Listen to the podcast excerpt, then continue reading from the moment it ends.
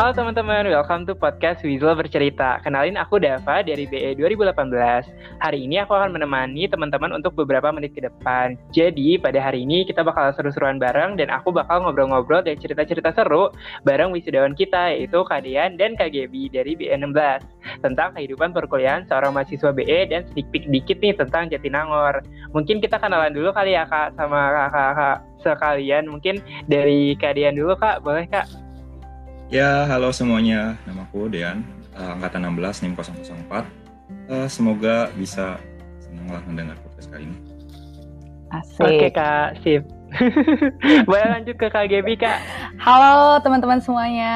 Aku Gebi, uh, angkatan 2016. NIM aku 112 16006. Gitu aja kali ya. Oke kak, sip. Thank you kak. Nah gimana nih kak kabarnya kak sekalian? Lagi sibuk apa aja nih belakangan ini? Mungkin mau naik ke kak Gaby dulu nih kak. Uh, kabarnya sehat. Uh, kesibukannya, kesibukannya apa ya? Nyari kerja aja sih kayaknya. Yang main, oh. yang mainly kesibukan gitu. Sebenarnya nggak bisa dibilang sibuk juga sih. Pengangguran saya tuh. Gak apa-apa, semoga nanti bisa cepat nemu ya kak ya yang yang pekerjaan. Amin. Amin amin. Kalau Kak Dean gimana nih Kak? Lagi sibuk apa nih Kak? Apa sama um, juga kayak Kak Gebi Kak? Ya sekarang sih lagi full time Full time job seeker sama kayak Gebi bara. udah udah ya, ya udah gimana dong? Dia, oh full time, oh dia udah dapat kerja eh ternyata job seeker hmm oh enggak dong enggak uh. dong kan bener job seeker bener sih harus, bener harus, sih bener bener full time nggak salah. Iya full time full time. itu ya, kerennya aja gitu kali ya kak Gaby ya kalau kak kasih dah kasih. Oke kasih semoga ya udah Kak Gaby dan Kak Dian bisa cepetan dapat kerja, Amin. mungkin barangkali ke depan gitu dapat kolan gitu ya Amin. dari perusahaan. Oke kak, nah hari ini kita mau, uh, aku mau ngajak kakak ngobrol-ngobrol seru nih terkait tadi yang aku udah cerita itu tentang mahasiswa BE itu sendiri dan juga tentang Jatinangor nih, yaitu udah rumah kedua kita kali ya bareng-bareng gitu. Nah nih kak mau nanya, bentar lagi kan kak kakak wisuda nih, berarti udah kayak menjalankan semua lika-liku proses kuliah di BE yang udah kayak naik turun udah kayak roller coaster pasti kan kak. Benar, Mungkin benar. bisa dong kak kita gimana sih kak rasanya jadi mahasiswa BE nih? Gimana sih kehidupan seorang mahasiswa rekayasa hayati gitu kak? Mungkin ke Kak Gaby dulu nih kak. Bener banget sih yang tadi Dava bilang kayak roller coaster. Soalnya kayak bener-bener naik turun mulai dari uh, eh, IP-nya ya naik turun. Terus juga uh, apa ya? Aku ngerasa selama jadi mahasiswa bioengineering, mahasiswa ITB, aku uh, nemuin apa ya banyak hal-hal yang expected tapi unexpected juga gitu loh uh, at the same time. Mungkin kalau bisa aku gambarkan kayak aku menemukan banyak tantangan yang aku nggak temukan sebelumnya pas aku SMA. Terus yang aku paling ingat juga selama berkuliah tuh uh, gimana caranya aku uh, coping with the stress. Terus aku juga belajar the art of communicating sama dosen-dosen uh, terus juga gimana ngebangun relasi sama teman di jurusan sama teman uh, lintas jurusan juga gitu. Terus um, paling paling aku inget inget juga dari um, jurusan bioengineering ini ini sih kayak kita tuh dilatih banget buat uh, selalu berpikir kritis dan juga supaya bisa bekerja di bawah tekanan gitu loh, di bawah uh, limited time juga itu sih yang paling aku inget paling memorable selama jadi mahasiswa BE. Ah, uh, sih kak, uh, iya sih kak denger-denger ceritanya kok emang emang relate banget ya mungkin nanti uh, teman-teman juga pasti yang dengerin, terutama mungkin teman-teman dari Rekayasa Hayati juga pasti udah ngerasa oh iya banget gitu ya, Bener. ya kayak kali ya kak. Oke okay, kak, thank you kak jawabannya. Nah kak nih mungkin sekarang kita kan tadi udah ngomongin kuliah. Nah kalau kita ngomongin kuliah di BE pasti nggak jauh-jauh juga uh, bisa cerita-cerita dikit nih tentang dosen-dosen yang Waduh. BE yang emang sebenarnya keren-keren banget. Tapi kadang mungkin ada juga yang ajaib gitu kan ya kak mungkin gitu. Oke okay, kak, mungkin ini mau nanya ke kak Dea nih kak. Boleh cerita-cerita dikit nih kak pengalaman sama dosen BE itu gimana gitu kak? Oh nggak boleh nanya dulu tuh maksudnya yang ajaib tuh kayak gimana gitu dah. Oh, iya kan banyak terminologi. Sebutin aja kayaknya sih semuanya deh. uh, Mumpung udah mau lulus kan. Eh belum lulus belum sah ini. Iya kan Masih mau harus... mau oh, bener, lulus. Bener bener bener. ini baiknya dulu gitu Ini gitu. kesempatan buat ngeluarin unek-unek gitu. oh, Harus Iya, boleh banget. dimanfaatkan, ya nggak sih? Nggak Gak apa-apa, gak apa-apa. Ada channel lain kok untuk anak-anaknya. Oh. Jadi di sini di sini. anyway, yap. Em, tadi eh, bertanya tentang dosen-dosen, terus kayak pendapat Mhm. tentang dosen-dosen. Em, paling ya apa ya kalau misalnya kayak dosen-dosen, ya aku gak ada yang kayak gimana-gimana banget sih, gak ada yang kayak bikin stres banget. Um, some of them are unique and I really like them, like um, Mr. Robert, our Mr. uh, dosen yang paling nomor satu yang pasti kayak kalian semua juga pas baru masuk BE uh, berasa lah maksudnya impactnya seorang Pak Robert dalam kuliahannya. Um, terus juga kayak kalau menurut aku ya senang sih sama uh, Pak Robert walaupun ya nggak walaupun sih kayak karena beliau tuh memang um, mana ya perkataannya dan cerita-ceritanya nggak bisa kalian dapetin selain di kelas dia gitu. Bener-bener. dan Pak Yusuf sih paling aku paling kagum sama Pak Yusuf karena uh, until now he's the most disciplined person that I know gitu. Kayak bener-bener setiap semuanya itu harus tepat waktu. Semuanya kalian harus sudah planning. Mau Sistematis jalan-jalan banget aja. Betul betul betul. Kayak gak boleh ada yang namanya uh, kayak telat atau tidak siap gitu. Di mata Pak Yusuf. Dan itu kayak uh, in some way mungkin kali- kalau kalian baru pertama kali ketemu Pak Yusuf dan belum terbiasa dengan kebiasaannya Pak Yusuf itu mungkin akan terbeban kan ya. Tapi ketika kita lihat lagi ya sih kayak beliau tuh memang meng, meng- ya, mengajarkan gitu untuk bagi kita calon saintis dan calon engineer yang memang harus profesional dan harus benar-benar tepat waktu gitu. Nggak boleh ngomong A terus ngakunya B Hmm, Oke kak, Wah, seru banget dengar ceritanya nih kak. Kayak apa namanya? Ya emang pasti pengalaman dengan dosen emang menarik banget dan iya setuju banget sih kak. Kayak dosen-dosen di BE emang keren-keren. Iya bener kak, setuju banget Pak Yusuf juga kalau ngasih tugas tuh pokoknya nggak bisa deh kayak kita telat-telat itu nggak akan diterima Nggak lagi gitu boleh. kan ya kak. Eh tapi ya tapi kayaknya Dean ada ada yang bohong deh. Kak. apa Oh bohong kenapa Tadi tuh kan kak? Dean nggak pernah bohong gua Tadi kan Dean bilang kayak nggak ada tuh dosen di BE yang bikin stres banget. Itu rasanya bohong Oh deh. enggak. Oh. Oh bohong. Eh, Kak. itu Oh, kayak enggak. agak di sugarcoat Sorry. kalau menurut aku sih. Oh, Nggak, um, kalau kalau menurut lo emang gimana Gip?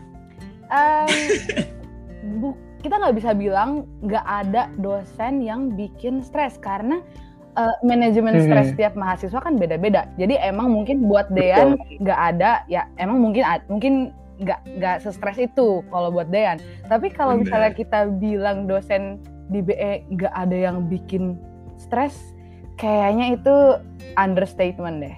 Kayaknya dosen di BE Mhm. ada beberapa yang bisa bikin stres. Maksudnya ini kan kita mau em, ngasih tahu informasi juga kan ke adik-adik tingkat. Jadi kita Mhm. nggak boleh sugarcoat gitu deh. Kita harus kayak ngasih tahu oh, kalau bener, kalau bener. ada dosen yang harus mungkin diantisipasi atau harus uh, di look forward to yang kayak gitu-gitu loh. oh benar benar benar Mhm. kalau pengalaman ya mungkin dari GB dulu sih karena emang kan kalau gua kan emang sedikit carefree kan orangnya. Carefree Iya mungkin boleh cerita. Tadi menurut Kak Gaby mungkin kayak apa sih yang bikin stresnya gitu. Mungkin jadi bener Kak, jadi pengalaman eh, bisa jadi pelajaran buat angkatan yang di lebih muda gitu Kak. Um, ini mungkin lebih ke apa ya? Apa yang aku inget dan apa impression apa yang dosen-dosen di BE tuh uh, berikan selama empat tahun aku belajar di ITB kali ya. Ah tiga tahun belajar di BE terutama. Uh, tadi kayak Mhm. Dian udah sebutin Pak Robert sama Pak Yusuf itu emang dosen yang uh, terkenal strict bahkan bisa dibilang Mhm. paling strict. Tapi aku mau ngasih tambahan Bu Nanan. Pak Robert, Pak Yusuf, Oh. dan Bu Nanan itu udah kayak segitiga bermuda kalau menurut aku ya. Itu trio trio segitiga dosen yang bermuda. paling strict. Tapi emang em, kalau kita ngomongin tentang gaya gaya ngajar mereka tuh emang beda-beda banget.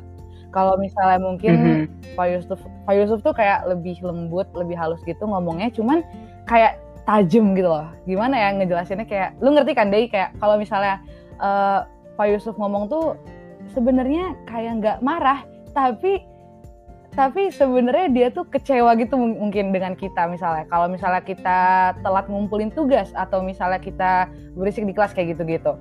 Nah kalau bunanan sih menurut aku yang bener-bener dosen BE yang apa ya mungkin kayak tadi Dava bilang di awal uh, mungkin ada dosen ajaib gitu ya di BE nah ini nih ini salah satunya menurut aku nih.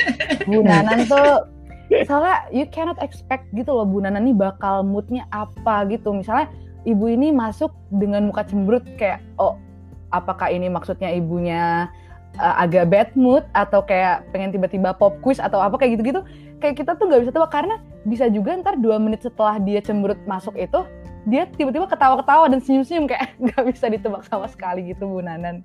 Terus kalau kayak dosen lain yang um, memorable in a good way itu sih menurut aku kayak panel uh, dosen pembimbingnya Dean terus kayak um, Pak Wardono. Nah Pak Wardono itu ngajar kalau nggak salah mata kuliah uh, rekayasa kultur sel hewan kalau nggak salah. Iya, nah bener, itu Pak Wardono juga asik banget. Dia kayak suka banget ngelucu di kelas kayak bener-bener hmm. kayak kalau aku pribadi sih kayak lumayan menunggu mata kuliahnya dia gitu karena jadi kayak refreshing gitu kan di tengah-tengah hektiknya uh, perkuliahan sama uh, salah satu dosen lagi yang aku suka banget dan aku kayak emang suka mata kuliahnya juga dan bapaknya juga baik juga itu dosen pembimbing aku sih Pak Taufik soalnya dia kayak bener-bener yeah. Iya. uh, baik banget kayak nggak bisa di describe hmm. terlalu gimana gimana hmm. tapi kayak baik nah paling kalau misalnya untuk adik-adik tingkat ya yang akan uh, kuliah offline mungkin semester depan hopefully atau mungkin tahun depan yang bakal ketemu sama dosen-dosen secara tatap muka mungkin bisa ini sih mengantisipasi dosen-dosen muda kayak Bu Kalilan atau Pak Firman karena kayaknya mereka bakal lebih banyak interaksi sama angkatan bawah gitu dan kalau menurut pendapat aku Bu Kalilan mm -hmm. sama Pak Firman itu uh, oke okay sih, maksudnya baik gitu uh, personalitinya. Tapi kalau untuk cara ngajar, kayaknya mungkin Pak Firman agak bakal lebih strict mungkin. Tapi ini mungkin ya, karena uh, angkatan aku sama Dean kan belum kayak terlalu intensif gitu diajar sama Bu Kali dan Pak Firman. Paling kayak cuma satu atau dua mata kuliah gitu, kalau aku nggak salah inget. Gitu sih paling. Benar. BTW Gap, BTW Gap. Mm -hmm. Dari tadi tuh kita belum bercerita, mm -hmm. sepertinya kita cuma mendeskripsikan kan Oh mau ada cerita spesifik. Bener bener gitu. bener bener. Harusnya kayak kita cerita tentang pengalaman hmm. deh. Pas lu ngomong kayak uh, ada dengar Pak Taufik tuh, gue langsung kayak keinget, oh Gaby punya cerita bagus nih di sini. iya iya. Boleh nih kak, cerita singkat nih kak, mungkin dari Kak Gaby tadi katanya tentang Pak Taufik gitu, mungkin kayak sedikit gitu kayak sekulit-kulitnya gitu kak, ceritanya um, gimana sih kayak gitu singkat. Tentang personality Pak Taufik atau gimana nih maksudnya? Mungkin kayak pengalaman nih kayak okay, pengalaman okay. yang berkesan gitu kayak yang benar-benar kakak inget uh, banget ini gitu. Ini sebenarnya jatuhnya ke pengalaman selama aku jadi anak bimbingnya Pak Taufik sih. Jadi selama aku jadi anak bimbingnya Pak Taufik jadi bisa mengenal Pak Taufik lebih lebih apa ya lebih dalam lagi mungkin ya karena kalau misalnya ketemu di kelas kan kayak mm -hmm. bapaknya datang ngajar uh, ya paling interaksi ya bentar aja. Dan bapak ini juga kalau di kelas tuh kayak bukan dosen yang suka ngajuin pertanyaan sebenarnya. Jadi benar. iya nggak sih deh kayak Pak Taufik bener, kayak bener, ngajar bener. doang di kelas. Kalau ada yang nanya ya ya udah dia jawab. Yeah. tapi kalau nggak ada conversation dia nggak bakal engage duluan gitu. Yeah. terus dia bakal ya udah cabut aja. Nah tapi selama aku jadi anak bimbingan Pak Taufik aku bisa ngeliat kayak kepribadian bapak ini kayak oh ternyata bapak ini tuh suka ngejayus gitu loh. Dan bapak ini tuh um, sebenarnya hmm. apa ya peduli pedulinya tuh detail gitu loh ke anak-anak bimbingannya dia. Kalau aku pribadi paling inget tuh pengalaman uh, pas bimbingan online. Jadi ini udah pandemi ceritanya. Aku bimbingan online sama Pak Taufik sama dosen pembimbing kedua aku Bu Andira. Nah, jadi pas bimbingan itu aku kayak ceritain progres kayak udah sampai mana nih penelitiannya. Dan waktu itu kayak emang sama sekali belum ada progres lebih lanjut gitu. Persentase progresnya dikit lah kalau bisa dibilang. Karena pas awal pandemi aku langsung balik ke Jakarta kayak bener-bener stagnan gitu. Aku nggak bisa ngerjain apa pun dong karena lab ditutup. Terus kayak uh, alat-alat semua masih di uh, Jatinangor gitu-gitu kan. Nah, tapi aku tuh udah expect bakal dimarahin atau kayak bakal di ya ya gimana ya logikanya kalau misalnya anak bimbingan yang nggak ada progres harusnya dosen bisa marahin ibaratnya kayak gitu kan tapi Pak Taufik tuh malah kayak Hmm. bercandain gitu loh maksudnya bercandain in a way kayak eh kayak ah gimana ya ngejelasin ya dia tuh kayak nggak bercandain kayak ah kita manipulasi aja kalian nih ini PA kamu supaya bisa bisa cepat lulus kayak gitu gitu tapi maksudnya itu mungkin agak eh, agak mengagetkan bagi eh, beberapa orang mungkin yang tidak terbiasa bertemu dengan Benar, dosen benar. jenis kayak gitu tapi menurut aku tuh kayak apa ya lucu aja sih karena refreshing ketemu dosen yang masih bisa bercanda sama anak bimbingannya di saat mungkin uh, ada Hmm. Cerita-cerita dari teman-teman bimbingan dengan dosen lain yang sampai bisa nangis atau mungkin sampai takut kayak sampai ke bawah mimpi gitu kalau mau bimbingan. Tapi, tapi kalau aku tuh ketemu eh maksudnya bimbingan sama Pak Taufik tuh kayak seneng. Mungkin karena bapaknya bisa apa ya memahami kalau Mhm. ngerjain TA ini juga udah stressful. Masa bimbingan juga harus dibawa stressful? Jadi mungkin eh, dengan Mhm. hal-hal yang kayak bercanda atau kayak mungkin suka nyeletuk-nyeletuk gitu. Jadi pas aku presentasi kayak progres juga ke dia, kayak sharing screen kayak gitu. Bapaknya tuh kadang juga suka nyeletuk-nyeletuk hal-hal yang kayak eh, lucu-lucu gitu loh pas aku presentasi. Jadi pas aku bimbingan sama dia tuh bawaannya jadi Hmm. kayak akrab gitu. Iya, nggak dibawa gitu, ah. stres, kayak nggak ada pressure, kayak bener-bener eh, asik banget sih. Bener. Maksudnya mungkin Mhm. kayak kita bisa bakal apa ya tahu karakteristik karakteristik unik dari dosen-dosen tuh mungkin ketika kita jadi asistennya atau mungkin nanti jadi anak bimbingannya kayak gitu-gitu sih.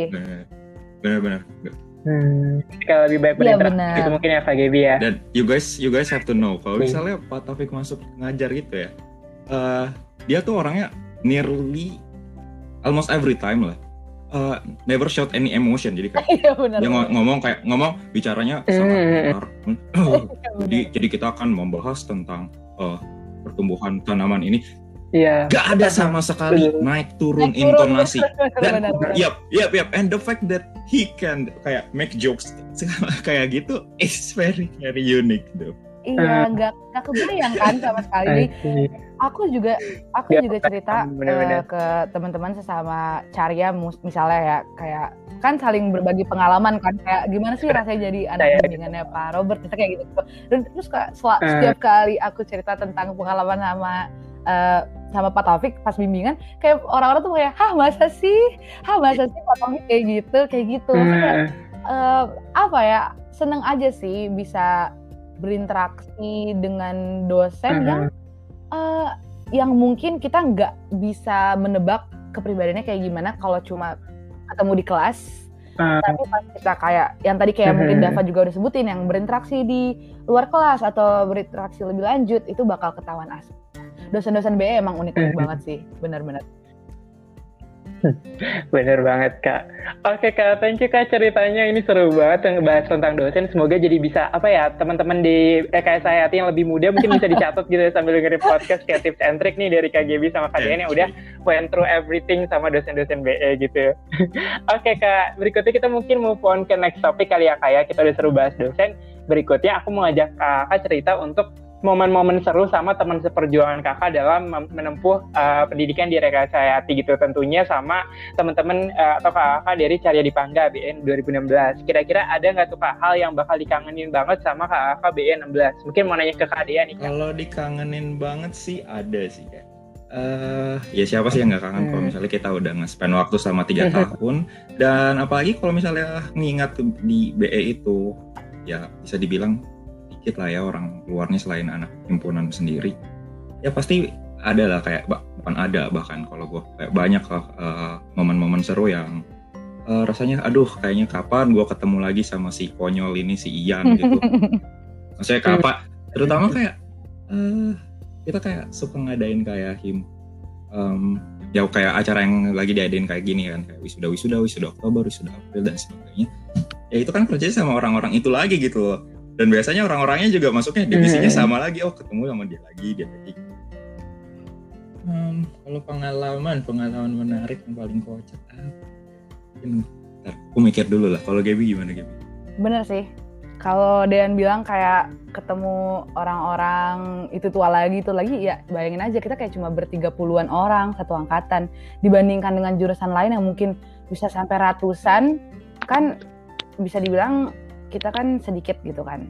Paling kalau misalnya ditanya apa yang bakal aku kangenin selama kuliah uh, bareng angkatan 16 yang aku kepikiran sekarang tuh kayak ini sih hektik bareng misalnya uh, nyiapin praktikum. Itu kayak aku ikut banget misalnya kita baru mau masuk ke lab itu kayak semua kayak duduk di lantai terus kayak saling nyontek nyontek atau atau enggak kayak uh, ada yang perlengkapannya kurang terus kayak saling bantuin ngelengkapin kayak gitu-gitu.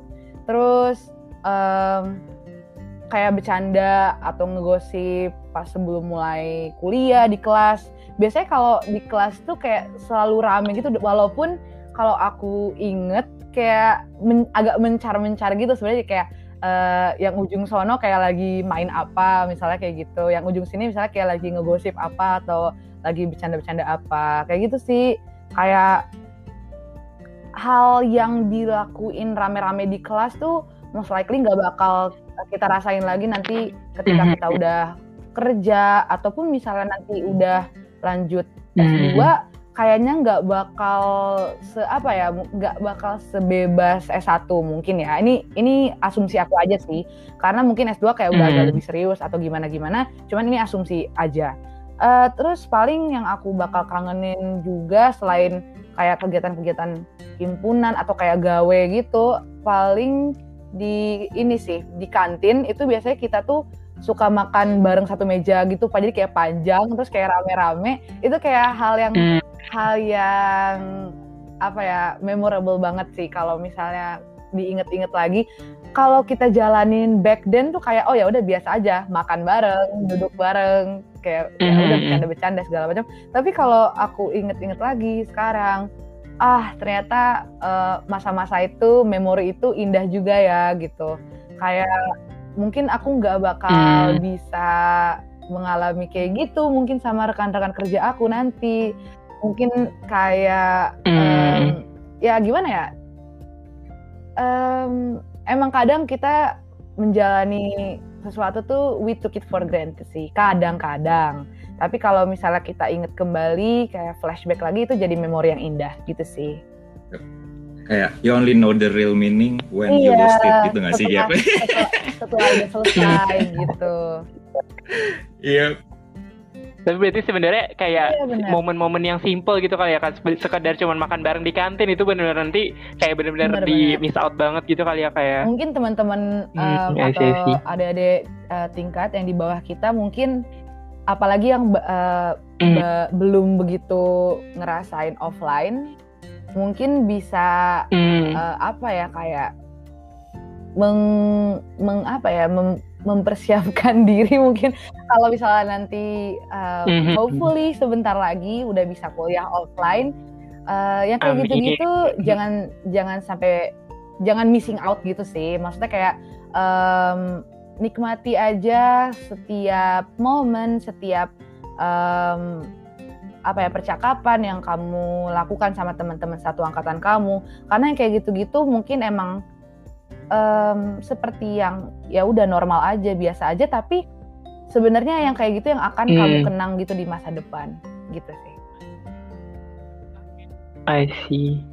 Oke kak, thank you kak jawabannya. Mungkin kita lanjut ya kak. Mungkin karena tadi udah ngebahas tentang tadi momen-momen itu nih. Kita tentu momen-momen tersebut di spend pasti di kampus ITB Jatinangor gitu kak. Mau nanya nih ke kadean mungkin ya gantian nih kak. Menurut kakak apa sih yang menarik dari ITB Jatinangor itu sendiri nih kak? adalah kesunyiannya. uh, gini, Kenapa tuh kak kalau boleh tahu? Um, lu dari TPB yang tadinya udah biasa berisik, minggu weekend bisa jalan-jalan ke mall dengan mudah. Ketika Anda dipindahkan ke salah satu tempat di bagian Bandung Selatan ini, semuanya akan hilang. ketika sesepi itu guys, ketika, hmm. beneran. Iya. yeah, but uh, for the first like six months maybe it would kayak benar-benar berat banget untuk ngejalaninnya kayak benar-benar out of your comfort zone lah. But Nangor is lovable lah. Benar-benar. Um, ya kadang-kadang juga misalnya pikir tentang Nangor gitu ya gak ada lagi gitu tempat kalian bisa ngopi terus ngelihat ke sawah ketika sunset gitu Ah, terus benar. malamnya makan serabi kiri kanannya suara jangkrik Nih itu yang ngopi, yang ngopi ngeliat pemandangan sawah yang di Cikuda bukan sih? bener Apa ya namanya? banyak sih Mbak. Eh aku banyak lupa loh. em, Ah iya Plumeria. Ah, Plumeria, bagus Plumeria sih? guys. Ya. Itu Ya. itu recommended banget. ya paling kayak eh, hal-hal yang lu kalau misalnya apalagi gue ya maksudnya kan gue asalnya nih dari Jakarta nih kan. Kalau misalnya ke Nangor tuh kayak masuk ke desa sebenarnya ya. Dia memang desa sih cuma ya Kecamatan. bener-bener kecamatan. Oh ya bisa bisa fokus lah. Em, sama kalau misalnya mau lari tuh lari pagi lari sore keliling jadi bener, sebenarnya juga seru sih. Hmm, benar. I see. Oke kak, berarti intinya pokoknya kesunyiannya justru yang bikin kangen dan justru bikin menarik gitu ya kak dari Nangor itu sendiri gitu ya kayak. sort of sort of. sebenarnya kalau kangen sih kayak mm, mm, Oke. agak Nggak. But, yeah it's definitely unique and unique Oke. Oke kak. Nah berikutnya nih kak, tadi kita udah ngomongin ITB Nangor dan mungkin Nangor secara general gitu kak. Nah ini mungkin uh, salah satu hal yang mungkin jadi highlight juga dan mungkin kayak jadi bahasan juga nih dari beberapa, maksudnya dari tiap aku ngobrol-ngobrol. Kalau untuk tempat nugas nih kak, ada nggak sih kak rekomend rekomend tempat nugas ter-PW gitu nih kak? Mungkin kayak uh, atau mungkin paling PW tuh sebenarnya udah kosan sendiri atau kosan teman atau bahkan sekre nih kak yang kayak udah udah sekre banget gitu kak. Mungkin mau nanya ke Kak Gaby, menurut Kak Gaby gimana nih kak? Ada nggak sih uh, recommended Kalau eh, aku recommendation dari anaknya kalau kakak? nugas tuh di kosan ya. Jadi kalau misalnya emang ditanya Hmm, eh, aku paling nyaman belajar di mana, aku bakal jawab kosan. Tapi kalau misalnya aku ditanya kayak ada rekomendasi tempat nugas, kayaknya mungkin aku bisa em, ngasih saran kayak misalnya di Dunkin Donut atau di Sono Cafe. Aku bisa di dua tempat itu Mhm. sih. Soalnya Dunkin Donut sama Sono Cafe itu I dia tuh tempatnya kayak sebenarnya nggak terlalu sepi, tapi tuh nggak berisik. Gimana ya?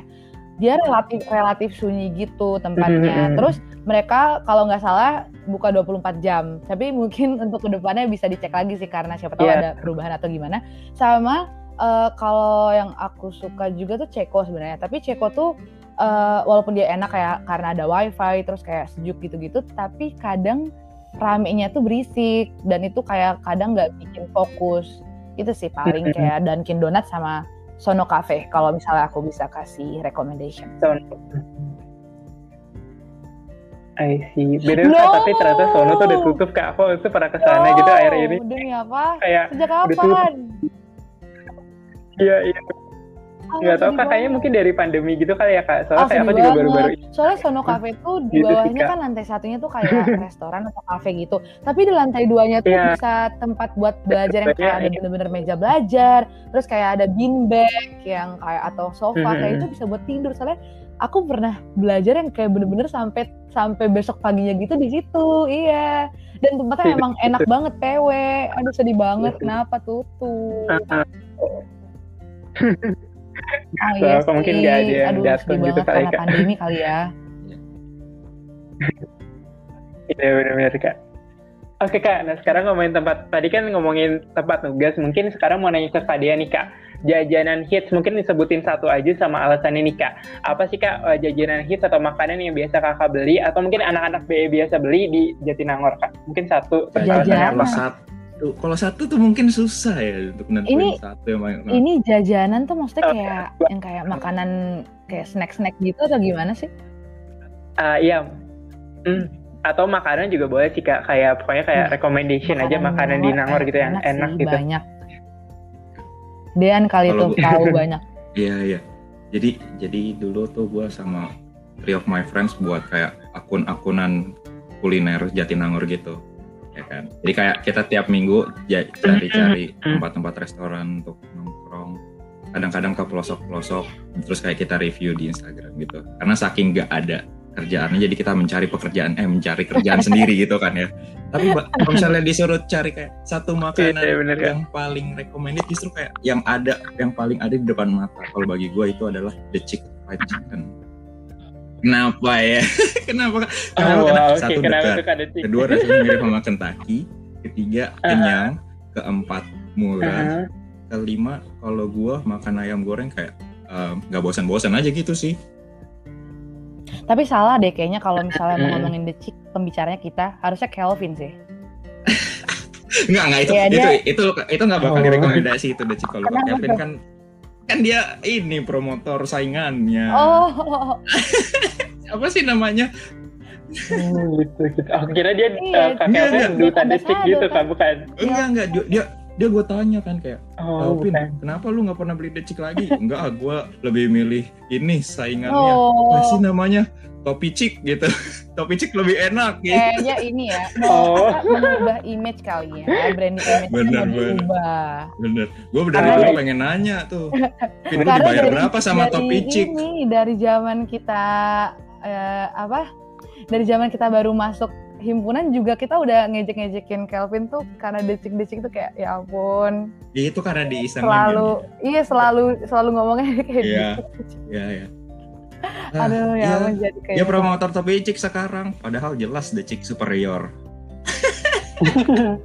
dan oh, dan yang pastinya kalau misalnya the chick gue yakin kalau kalian masuk masih ada, gue yakin Iya sih Kayak kayaknya dia bakal ya. bertahan sih. Lekang oleh waktu itu. Iya sih benar-benar kayak itu kayak udah kayak makanan yang pokoknya Iya. favorit semua orang dan juga murah gitu ya kayak jadi kayak aduh nggak punya duit Tapi gitu ya udah makan decik aja gitu kali ya kayak. manis. Oh, oh, Iya ya, terlalu eh, terlalu Oh, iya, manis Kak. kayak kayaknya tiga sendok makan gula ada kali dimasukin ke satu gelas. Iyalah, au- Oh iya, auto segelas gitu ya, ah, ada hati-hati gitu ya. Mending Iya, makan beli ayamnya aja gitu dulu, kayak kayak. Iya, justru, auto justru kalau diabetes. kemanisan, enggak justru kalau kemanisan see. itu lu bisa buat satu hari coy. Jadi lu Oh, bagi, gitu ya. bagi siang malam.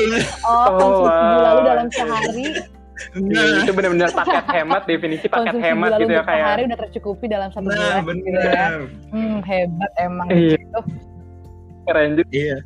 Iya mereka mereka tuh ya, peduli mungkin sebenarnya keuangan ya. kalian.